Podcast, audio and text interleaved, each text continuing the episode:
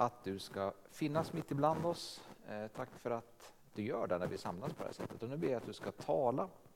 Tack för att du kan tala ibland genom predikanter eh, direkt, eh, men lika mycket genom direkta tilltal som händer när man läser bibelord eller frågor som väcks eller saker som man tycker är dåligt kan vara lika välsignande för då börjar man tänka på viktiga saker. Så kom och tala till oss.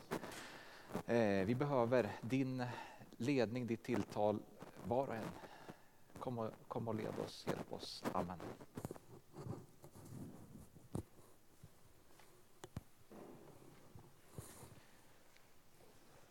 Jag vred ut den lite. Se om det blir bättre. Ja. Dagens tema är att växa i tro. Eh, och det här är ju en av de fem rubriker som är satta på Korskyrkans fokusområden eller Korskyrkans handlingsplan eh, som ligger i år, har legat något år tidigare. Som har fem områden där, man, där vi fokuserar på nästa generation, nära relationer, välkommen in, sända ut och växa i tro. Som alltså är temat för dagen. Och så här har församlingsledningen skrivit eh, som en liten text i, i den här handlingsplanen kring den här rubriken att växa i tro. Vi vill att vår tro på Jesus Kristus är det som bär och leder oss i vår gemenskap och vår verksamhet. Vi vill söka Gud i gemensam och enskild bön. För oss är det viktigt med god undervisning för alla, oavsett ålder eller kulturell bakgrund. Men också att det finns utrymme för frågor och möjlighet att samtala om vår tro och efterföljelse. Visst är det bra? Jag tycker det är jättebra. Eh, Senast jag undervisade om tro, som jag kan komma ihåg, man kom in på det på olika sätt i alfakurserna och så vidare, men senast jag hade en, en någon, någon, typ av bibelstudium eller predikan där vi talade om tro var jättelänge sedan, det var på 90-talet. Eh, vi var med i en högaktiv ungdomsgrupp i Vilbergskyrkan eh, och vi fixade faktiskt ett, ett väckelsemötestält som vi kunde ha några somrar mitt i Vilbergen. Och så fick vi, spred vi informationen ut i landet, främst genom Helgelseförbundet, att vi ska ha en väckelsekampanj mitt i, liksom, mitt i centrumet av den här bygden, Vilbergskyrkan. Det kom inte jättemånga, men det kom några liksom från, från olika delar av landet. Så det var spännande veckor. Eh, och så började vi morgnarna med bibelstudier och jag skulle i ett av mina bibelstudier som, som jag höll i då, som inte visste någonting. Jag skulle i alla fall undervisa om tro. Jag var ganska ny i tron på den tiden. Eh, och då läste jag bland annat ifrån Matteus 17, jag tror jag läste både Matteus 17 och Markus 11. Där det står i Matteus 17, sannerligen om ni har tro så stor som ett senapskorn kan ni säga till det här berget, flytta det dit bort och det kommer att flytta sig. Ingenting blir omöjligt för er. Eller Markus 11, en parallell här. Sannerligen, om någon säger till berget här, upp och kastar i havet och inte tvivlar i sitt hjärta utan tror att det ska gå som han säger, då blir det så. Därför säger jag er, tro att ni ska få allt det ni ber om i er bön, då blir det så. Och när jag satt och förberedde den här predikan, eller den här bibelstudiet, så tänkte jag, alltså, det här är bra grejer. Eh, det här är coola grejer, tänkte jag. Men alltså, jag har inte så mycket erfarenhet av det här. Kan, liksom, är jag redo att undervisa om det här? Jag, jag kanske borde bli lite erfarnare på det här området.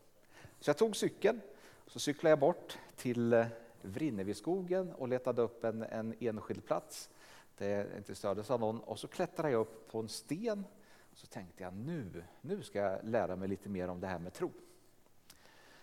Så jag ställde mig där uppe och så liksom försökte jag samla liksom all konfidens jag kunde liksom för att liksom känna liksom, nu, nu, nu tror jag med hela kroppen, hela jag. Eh, och så sa jag Vind, var stilla i Jesu namn. Och det slutade blåsa.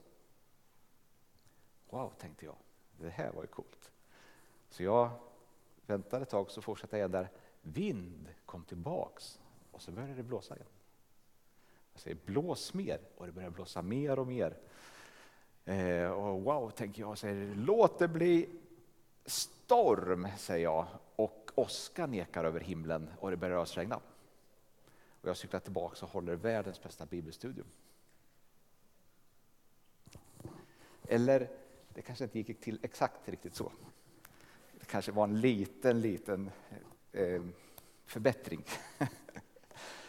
eh, helt, helt ärligt så var det ju lite snarare så att jag gick upp där och, och försökte liksom vind var stilla.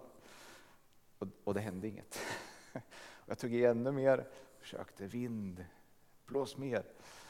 I Jesu namn, Jesu namn, vind. Eh, och det var ju lite liksom eh, ojämn, ojämnt väder, så vindstyrkan gick ju lite upp och ner. Så ibland liksom trodde jag nu är jag på gång, nu börjar det funka.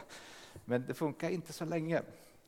Så jag, jag fick vad heter det, cykla tillbaka efter ett tag och eh, fortsätta förbereda eh, den här undervisningen utan att kunna prata om en alltför bokstavlig liksom, erfarenhet av de här bitarna. Sen, sen har det gått rätt många år sedan dess. Eh, och sen är det vid några tillfällen som, ja, men som, som det har funkat att komma till Gud med viktiga saker och jag har upplevt att Gud har svarat. Och de har varit annorlunda på, på, liksom, på hur, hur jag har relaterat till Gud och liksom vad, jag, vad jag har gjort med de situationerna. Jag kommer ihåg ett tillfälle när vi byggde hus och alla som har byggt hus här inne vet att det är, det är tufft. För det blir alltid mycket dyrare än man har trott. Så man får låna mer och mer. Eh, och till slut har man lånat så mycket så man, man kan, inte, man kan liksom inte gå till banken och låna lite till. Och man försöker att hålla alla kostnader, man vänder på hundralapparna månad efter månad efter månad. Eh, men sen till slut så kommer det liksom oväntade kostnader som är, som är stora. Liksom. Vad gör jag nu? Vad händer här? Liksom? Så jag kommer ihåg en kväll när jag satt där liksom bara gråtfärdig liksom, och tänkte alltså, det går inte, vad ska jag göra? Liksom? Det, tar, det tar inte slut, händer inte. Så kom jag att tänka på vittnesbörd från framförallt från ungdomen när jag besökte Pingstkyrkan ibland. Eh, om de här vittnesbörden när man hade bett Gud om att liksom man behövde pengar så hade det dykt upp pengar i ett kuvert. Så hade det löst sig. Så tänkte jag, liksom, de, de här bilderna kom upp liksom, när jag inte hade något annat att, att greppa efter. Och jag tänkte, liksom, alltså, jag vet inte om jag tror på det här. Eh, det är ju säkert bara slumpen och omständigheter, men jag har ingen annanstans att gå. Så jag satt där liksom i, all, i total hjälplöshet och så sa jag till Gud som det var, alltså Gud, hjälp. Kan du hjälpa mig med det här? Jag, jag klarar inte det här. Jag vet liksom inte hur vi ska få till det här och jag vet inte, vet inte liksom än som jag tror på att den här typen av saker brukar hända. Men hjälp Gud. Och dagen därpå så säger Karin, du Mattias, min mamma ringde. Eh, hon hade fått någon typ av utdelning på någon typ av obligationspapper eller vad det hette. Så hon satte över eh, de pengarna till oss barn. Och så hade vi pengar till de räkningarna. Jag kommer ihåg ett par tillfällen när jag har gett mig ut på promenader på ställen där jag liksom inte hittar. Jag tror båda tillfällena har varit lite skymning, i alla fall ett av tillfällena var verkligen när det började bli mörkt. Eh, innan GPSernas tid. Eh, första gången var när jag bestämde mig för att jag skulle promenera hem från jobbet i stan tvärs igenom Vrinneviskogen ut till Ensjöområdet där vi bor. Då. Och sen när jag kommer fram där så inser jag, oj, det finns ju tusen stigar att välja på här. Hur i hela världen ska jag hitta hem här? Eh, så då händer samma sak igen. Liksom. Äh, Off, jag är så klantig. Liksom. Jag, ska, jag ska gå tillbaka till jobbet och leta upp en spårare, men vad ska jag göra? Liksom? Eh, men också igen, då, nej, men, gode Gud, gode Gud, jag behöver ju den här motionen, jag skulle vilja hitta en bra väg hem. Man kan väl inte gå fel i oändlighet? Gode Gud, hjälp mig att hitta rätt. Och så börjar jag gå där. Och det, jag vet inte om någon har gått den vägen eller ungefär den vägen. Men det är, liksom, det är många vägskäl där man kan gå helt fel. Vid ett av, vid ett av tillfällena så är det liksom en stigkorsning där jag tror det går sju stigar på samma ställe. Eh, eller var det en, en väg då som går åt två håll. Eh, så jag går där och vid något tillfälle liksom så känner jag liksom, vad är mest logiskt? Ja, men det är nog den här vägen, tänker jag. Så går jag några meter och så bara känner jag någonting. Nej, det här känns nog inte bra. Så jag går tillbaks och så tar den andra vägen och stannar med några tillfällen, framförallt vid den där med sex, sju grejer som korsar varandra på samma ställe. Eh, jag kommer fram till vilken jag ska gå. Och så till slut kommer jag ut liksom, i, borta i Enskönsområdet, precis där jag hade hoppats komma ut och tänker det här var väl lite osannolikt att jag har valt rätt på precis varannan stig alla de här gångerna. Det måste nästan ha varit lite Guds hjälp i de här bitarna. En annan tillfälle hade vi bestämt att vi skulle gå ut och vandra med Dragetbarnen. Eh, och då vart det liksom lite så här, det är så blandat vilken bakgrund man har och för att gå, gå, gå runt och vandra så behöver man, behöver man, ha en bra ryggsäck. Det hade inte funkat om man inte hade haft bra ryggsäckar. Och alla barnen har ju inte bra ryggsäckar så vi kände liksom när vi började prata med det här att det här varit lite, lite orättvist. Så då tänkte jag liksom, men jag, kan, jag kan sponsra med fem ryggsäckar. Det kan jag, det kan jag göra. Så jag lovade, jag, ja, men jag fixar fem ryggsäckar. Eh, så ni som vill låna en ryggsäck kan, kan få låna en ryggsäck. Så jag kommer ha med den nästa fredag. Så kan ni ta med er dem hem så ni kan packa liksom och ha dem när vi ska gå ut på vandring. Och det här var en period som det ofta blir när det är otroligt mycket i livet. Så varenda halvtimme var liksom spikad. Eh, och det var några tillfällen när jag hade ärenden till stan liksom, som jag passade på att springa till de ställen där det borde finnas en ryggsäck eller ryggsäckar till bra priser som var bra ryggsäckar överskottsbolaget och ja, de här eh, Stadium och eh, ja, de ställen där det finns lite, lite vildmarksgrejer och sånt. Lite. Och, eh, efter att ha varit liksom vid, vid, de tillfällen jag kunde, den sista var på torsdagen tror jag, innan fredagen, så, så har de bara ryggsäckar som är värdelösa. Eh, skräpryggsäckar typ liksom som, ja, liksom, som inte känns kul att ha när man ska få vara med och gå på vandring och de andra har bra ryggsäckar. Eller också så kostar de typ 100-2000 kronor styck som var lite för dyrt tänkte jag, kände jag liksom. Så fredagen innan vi ska till draget så har jag inte ordnat de här ryggsäckarna och tänker jag men jag får väl åka till något ställe och köpa de där dyra någonting, eller vad gör jag? Så på lunchen så passade jag på att gå förbi domkyrkan, jobbade i Linköping eh, även då, jättenära domkyrkan. Så jag går in där och så säger jag bara Hjälp, hjälp, hjälp hjälp, hjälp. Typ. Eh, och vittnar kanske om att, att, att eh, livet totalt sett var, liksom, var väldigt, väldigt mycket. Eh, så man liksom inte ens orkar att formulera en bön och känner jag lovat något som jag inte vet hur jag ska reda ut. Eh, så det var en enkel bön eh, men i hjälplöshet på något sätt och liksom i, i rop på hjälp. Och på vägen hem då till Norrköping så, så bara slår det mig, ja, men jag tror jag åker förbi Maxi ute på Ingelstad.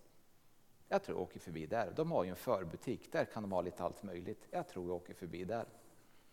Och så kommer jag dit och då har de dukat upp. Så en av de grejerna som de har stort där, det är ryggsäckar blåa jättefina ryggsäckar för bara några hundra kronor styck. Eh, så jag kan köpa fem stycken av dem till draget. Det ord som Jesus använde när han talade om tro var ordet emen som är arameiska och är exakt samma ord som hebreiska amman. Eh, här är ett spännande ord och har ett antal djup, tycker jag, som vi inte riktigt får tag i det svenska ordet tro. Eh, och bara för att ni ska förstå liksom vilket centralt ord om tro det här är, så är det det som används när det talas om att Abraham trodde Herren och därför räknade Herren som rättfärdig. Det här är ett ständigt återkommande citat om något liksom supercentralt om vad det handlar om att tro. Aman. Men det är precis samma ord som används i Jesaja 60, där det står Lyft blicken och se dig omkring. Alla samlas och kommer till dig. Dina söner kommer från fjärran, dina döttrar bär man i famnen. Den sista meningen där, bär man i famnen, är också Amman. Eh, vilket liksom, man, man, kan, folk som är mycket duktigare liksom på hebreiska som kan, som kan utlägga det här mycket, mycket mer. Men, det, men jag tycker när bara man tittar på de här två så känner man att det svenska ordet tro, som vi pratade innan, som är väldigt mycket, jag tänker så här, eller jag är, tycker att det här är mest sannolikt, blir väldigt mycket teori, väldigt mycket hjärna. Eh, ja, det, det, blir liksom ett, ett, ganska litet ord, eh, det svenska ordet tro, jämfört när man kan förstå när man hör amman här. När, när, liksom, när man använder det omväxlande till att tro och lita på Gud eller att bära ett barn. Eh, eller att vara buren som ett barn. Och jag tycker att mina erfarenheter av liksom att försöka spänna sina trosmuskler så mycket som man kan liksom, är ett ganska svenskt sätt att förhålla sig till ordet tro. Och där de här andra exemplen, liksom att kapitulera för sin egen litenhet och för Guds storhet och säga jag klarar inte det här själv, jag behöver din hjälp Gud. Det tror jag innehåller helheten av man på ett annat sätt. Så tro eh, är långt ifrån andlig bodybuilding tror jag. Eh, jag tror att det handlar om, om, om den här förtroendet, att liksom lägga sin tyngd, att vila i något större. Eh, och in, inte kramp och anstränga sig utan att vila i något större.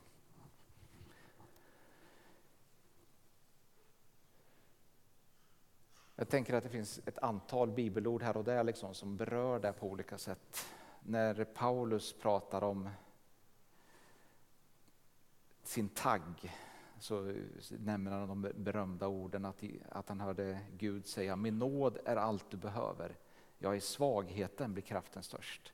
Ty när jag är svag, då är jag stark. Här tänker jag också är Aman. Eller några andra sådana bibelord om när man är riktigt, rikt, känner sig riktigt hjälplös. Eh, så är Gud nära också. Då. Psalm 39, 34. Herren är nära dem som har ett förkrossat hjärta och frälser dem som har en bedrövad ande. Eller Jesaja 57. För så säger den höga upphöjde, han som tronar för evigt och heter den helige. Jag bor i det höga och heliga, men också hos den som är förkrossad och har en ödmjuk ande för att ge liv åt de ödmjukas ande och för att ge liv åt de förkrossades hjärtan. Tro, tro, tro, tro. Tänk, jag vet inte om det var nytt för någon av er. Hoppas att ni fick en förnyad, fördjupad bild liksom av tro och relationen till att kapitulera inför Gud och vila inför Gud, eller vila i Guds famn. Sätta sin tröst och hopp dit. Hur växer man i tro? Är ju helheten. Hur växer man i det här? Eh, jag tänkte dela ett antal personliga erfarenheter kopplat liksom till hur, hur, man, hur man växer i tro och lite tankar kring det. För det första så, så tänker jag att det är, det är också kopplat till hur teoretiskt vi ofta liksom förhåller oss till ordet tro, liksom, där det är så mycket tänkande på olika sätt. Jag tycker det är viktigt att, att försöka göra någon typ av botten-upp-modell av det man tror på. Så långt, långt ner här i botten, fundamentet, där finns de här sakerna som man på riktigt, det här, det här tror jag, det här är viktigt för mig, det här känner jag, det här, det här kan jag nästan säga att jag vet.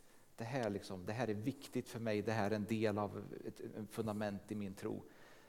För mig kan det vara, jag, ja, men jag, jag tror att det här inte är allt jag, jag, kan inte tänka mig det. Jag tror det finns en fortsättning efter att man har dött. Jag tror det. Jag tror att den yttersta verkligheten är god. Alltså det finns något utanför det här som är mer verkligt och mer, mer viktigt än, än, än det vi kan se och göra här. Här finns mycket ondska, här finns mycket orättvisa.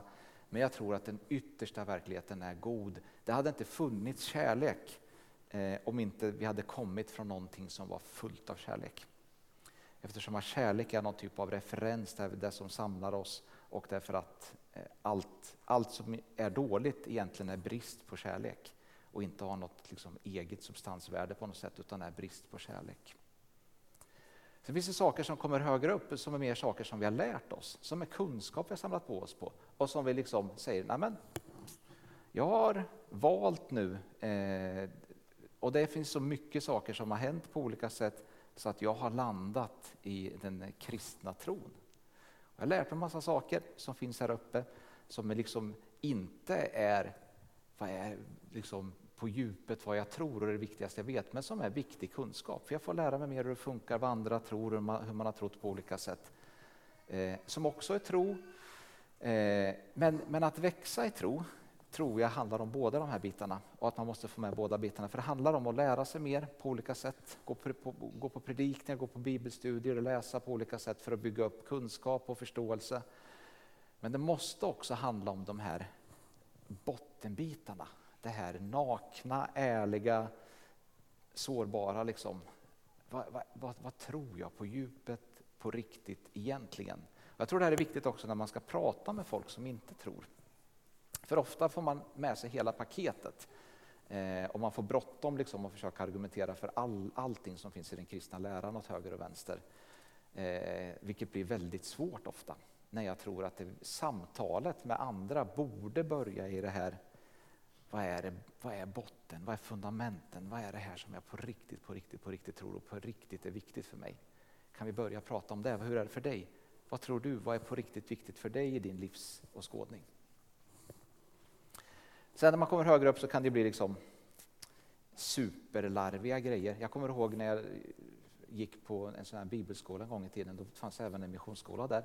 Och då hade de kommit ihop sig i två grupper där, där den ena gruppen trodde att bröd och fiskundret eh, var på sånt sätt att det blev tillagad fisk som förmerades. Och de andra tänkte att det kan inte vara, det måste vara rå fisk. Eh, och så hade de olika åsikter om det, som, som är liksom nej, men det är inte så viktigt. Det kan väl ha varit vilket som. Eh, eller det kan vara en sån här sak som alltså de här stora, svåra frågorna. När, när den här tiden är slut eh, och liksom den nya himlen och nya jorden och de nya kropparna och nya liksom tillvaron inträffar. Är det då den här jorden som har blivit förnyad eller är det en ny jord? Nej, jag vet inte och jag behöver inte veta heller. Eh, ja, men det finns ju så, alltså, finns så otroligt mycket. Eh, men att växa i tro, eh, klart man ska lära sig mer och fundera mer, men de här, de här nära, viktiga grejerna är, är ju superviktiga för att på något sätt ska få växa. Det här blir ganska uppenbart när man, när man kör alfa på ett bra sätt. Eh, det finns en viktig eh, grundregel liksom i alfa i att man ska ha det lågt i tak, öppet förhållningssätt och man, man ska försöka uppmuntra folk att lära sig så närma sig Gud genom att hjälpa dem att ställa rätt frågor. Eh, och det betyder att man försöker få till ganska öppna diskussioner och eh, låter folk säga vad de tycker och tänker om olika saker. Och det här är lite jobbigt för många som har varit kristna länge och som kanske inte gör skillnad liksom på hela den här botten, botten upp tron, liksom, saker som man, som man har lärt sig en teori om och egentligen bara kan spela upp som en bandspelare och saker som har landat som är viktiga för en. För man kommer in och petar på en del saker som man tycker, men det här är ju inte vad jag har lärt mig att repetera. Eh, för folk är ju inte från kyrkan och de säger vad de tycker. Så rätt ofta så händer det att liksom någon av de som varit med länge i kyrkan till slut liksom briserar lite och säger, nej men hallå där! Och speciellt om de tycker att ledaren inte tar sitt ansvar liksom, och styr upp diskussioner. Liksom. Nej, men så här är det ju. Och så förklarar man, så här är det, eh, utifrån och liksom, ja. Eh, och rätt mycket kväver frågorna på olika sätt. Det är även så att flera stycken som, liksom, som har varit tro, troende länge och går alfakursen och får vara med liksom, när, när folk som är nära börjar ställa frågor, också börjar ställa frågor börjar fundera på saker. Vad tror jag egentligen på djupet här inne? Och tycker det är jobbigt. Liksom, för det, vem skulle komma och peta på de här sakerna? Eh, men det brukar sluta i att det blir väldigt bra. Det var jobbigt en period, sen vart det väldigt, väldigt bra. Det finns ett begrepp som heter kognitiv dissonans. Eh, som är just när det känns jobbigt, för man får intryck som förändrar världsbilden. Helt plötsligt har man två världsbilder i, i hjärnan. En som är den man har lärt sig hålla fast vid tidigare och en som är det nya man tror på. Och hjärnan kan liksom inte greppa det här utan det blir någon, någon dragkamp däremellan och man upplever ett obehag och det kallas för kognitiv dissonans. Nästan alla människor som kommer till tro måste ta sig igenom kognitiv dissonans. Eh, och jag tror att många som börjar närma sig kyrkan och börjar närma sig tron faller bort när det här jobbiga kommer. Eh, därför tror jag att det kan vara nyttigt att ha det här förhållningssättet när man själv som troende får gå igenom kognitiv dissonans några gånger och ändra sig i frågor. Kan man guida folk som behöver komma till tro på ett bättre sätt och man kan förstå dem bättre tror jag. Hur, hur jobbar man med de här två bitarna parallellt då? Eh, Bibeln är ju en otroligt viktig hjälpreda. Eh, och jag tror man måste hitta sätt att förhålla sig till Bibeln som, som, som, blir att, som, blir, som kan bli, bli goda vanor, som kan bli lust eh, och som inte blir sträng disciplin och som inte blir dåligt samvete. Eh, jag hade den stora förmånen när jag kom till tro vid ung ålder att jag kunde väldigt lite om Bibeln och lärde känna massa folk som kunde ganska mycket och kände bara jag vill lära mig Bibeln. Jag fick en sån här superlust, jag vill lära mig. Eh, och läste några gånger och kände det ju, eh, alltså jag läser tre sidor och det är tusen grejer som, som jag skulle vilja, vilja lära mig. Eh, hur gör jag? Så då fick jag tips om att man kan eh, ha lite vanlig studieteknik när man läser Bibeln. Man kan liksom använda färgpennor och bestämma vad varje färg betyder. Man kan köpa en lite större bibel så det finns lite marginaler att göra anteckningar i och så vidare. Eh, så det gjorde jag. Eh, och sen så färglade jag en hel bibel med de teman som jag tyckte var spännande att försöka förstå just då. Och vart ett väldigt bra sätt att komma igång och läsa Bibeln. Tycker det är bra fortfarande. Nu läser jag Bibeln på iPad istället, men där kan man också använda olika färger och väldigt mycket olika färger, understrykningar, noter och sådana saker. Och eh, jag tror att det är för att hitta lust och för att hitta liksom den goda vanor så tror jag att en av de smarta knepen det är liksom att hitta grejer som man känner det här, det här rörde vid något i mig. Det här vill jag stanna vid. Så det här temat tyckte jag var spännande. Hur kan jag stanna i det här? Hur kan jag ta det här med mig? Eh, och det kan vara till och med liksom, det kan vara ett, ett några korta ord. Eh, jag kommer ihåg när jag läste om kvinnan vid Sikarsbrunn, Sykarsbrunn eh, och, och vid mötet där liksom, och när hon till, till slut liksom börjar prata lite med Jesus och det första Jesus säger till den här kvinnan mer eller mindre är om du visste vad Gud har att ge. Det fastnade. Det var en av de där grejerna som, en, det var en av de första grejerna som, som jag liksom valde, ja, men det här ska jag stanna i. Eh, och sen liksom, så fick jag förmånen att i en lång tid få vakna med de här orden, liksom, för jag hade stannat i dem. Om du visste vad Gud har att ge. Eh, och lite då under, då, under dagen, liksom, under en längre period, få, få, liksom, eh, få vad säger man, idissla de här bitarna lite och ta dem med sig. Jag har haft ett gäng sådana teman som, som jag har fastnat i och stannat i. Eh, och jag vet inte, jag tror att det funkar för de flesta. Jag kanske är extremt nördig på något sätt eller, eller så här, har en läggning där jag väldigt mycket går, går hårt in i olika saker. Men, men, nej, men jag tror att, jag tror liksom att stanna i någonting, stanna i en fråga och låta den få hänga med ett tag. Jag, jag tror det är en nyckel som funkar för alla. Eh, en av de sakerna som, som jag stannat längst i, det var ju liksom den här frågan, vad, vad betyder det på riktigt om jag nu tror att Gud är kärlek. Det är, det är tre, fyra, kanske fem år eh, som, som, liksom, som, som det tog för mig att idissla den frågan. Vad, vad, vad, vad, innebär det här på riktigt? Guds rike var också ett sånt här ord som jag inte fick ihop. Liksom. Eh, vad betyder det här? Så där började jag liksom att skriva ner varenda grej som stod om Guds rike och satt och tittade på det kom ingen vart. Jag fattade, liksom, det klickade inte, ramlade inte ner. Eh, gick flera varv. Och sen till slut, någonstans då, kanske fjärde gången liksom, jag satt och jobbade med de här bitarna, så tyckte jag att liksom, det här var en ny sån här fundament, basgrej för mig. Och jätteenkelt egentligen. Som Guds rike är när, när som man ber i Herrens barn, liksom, låt din vilja ske på himlen så på jorden. Eh, låt ditt rike komma, låt din vilja ske.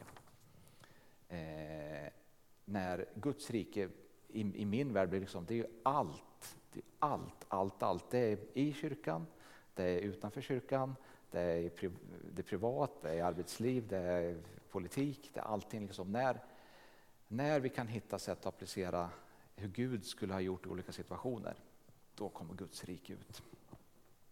Treenigheten har jag levt med länge. Paulus och Romarbrevet är väl den jag har varit ett antal gånger i och inte kommit igenom än. Eh, hoppas att jag till slut kommer och tycker nu, nu börjar jag fatta egentligen hur Paulus tänker.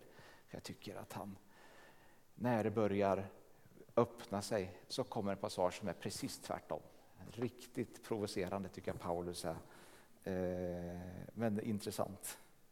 Det finns massor av böcker, poddar, Youtube, liksom gräva och gå ner i de här temana. Det finns hur mycket material som helst i dagsläget. Det finns verkligen möjligheter liksom att eh, stanna i någonting och lära sig mer, forska mer, eh, hitta bibelläsningsplaner och så vidare.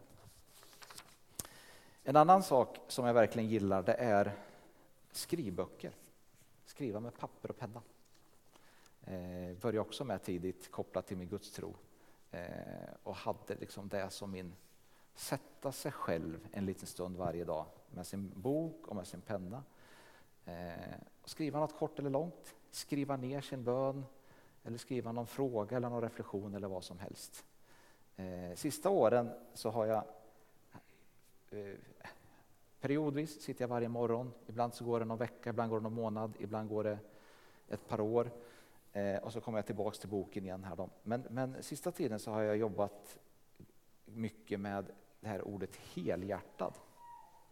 Så jag har en hel bok före den här som liksom nästan varje dag börjar med Hjälp mig Gud att bli mer helhjärtad.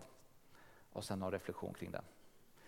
Och den här boken började i första juli 22, så den är ett dryg år gammal.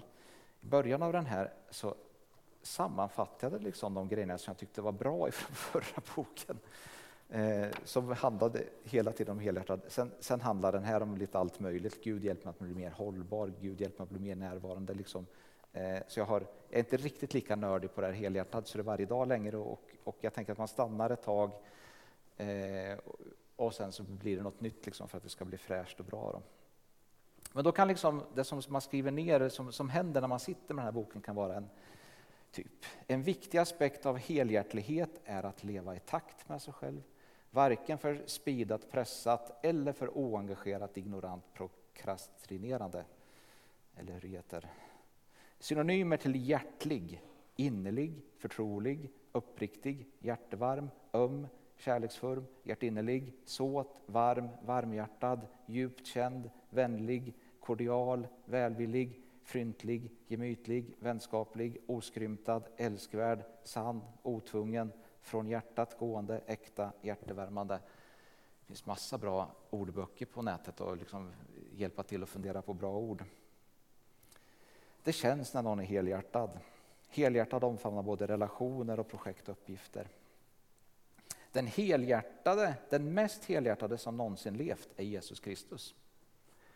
Det kan vara smart att komma på ibland när man funderar på grejer, liksom att den som har satt exemplet mer än någon annan är Jesus Kristus. Eh, en av kännetecknen på en helhjärtad människa är ett avslappnat och lyckligt ansikte.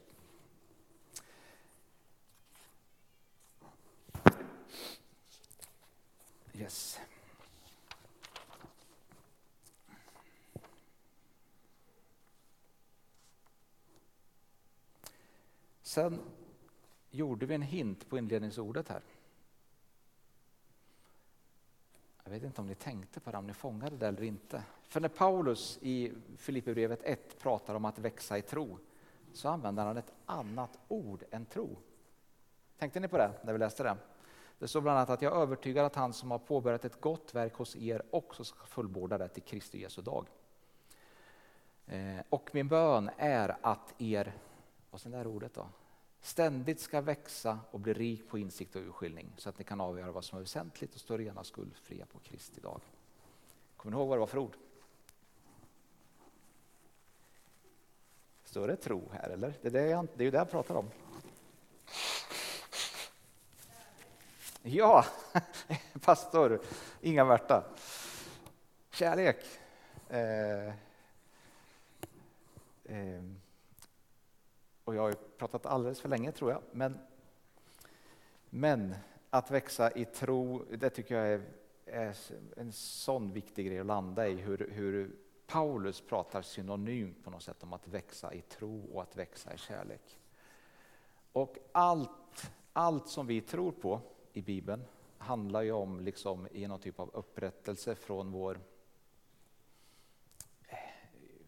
vår bristande förmåga att relatera till varandra på ett bra sätt, vår bristande förmåga att leva i kärlek. Eh, allt är liksom som det handlar om på olika sätt att koka ner till. Eh, och hur Gud vill hela de bitarna. Så att när vi pratar om att växa i tro så handlar det liksom inte om att växa i teori. Det är inte det vi är ute efter, utan det handlar om att växa i vår resa tillsammans med Kristus. Och då är ett otroligt centralt begrepp att växa i kärlek. Och sammanfattningen på vad det handlar om. Liksom. Det är det, vi, det är det liksom vi vill se hända.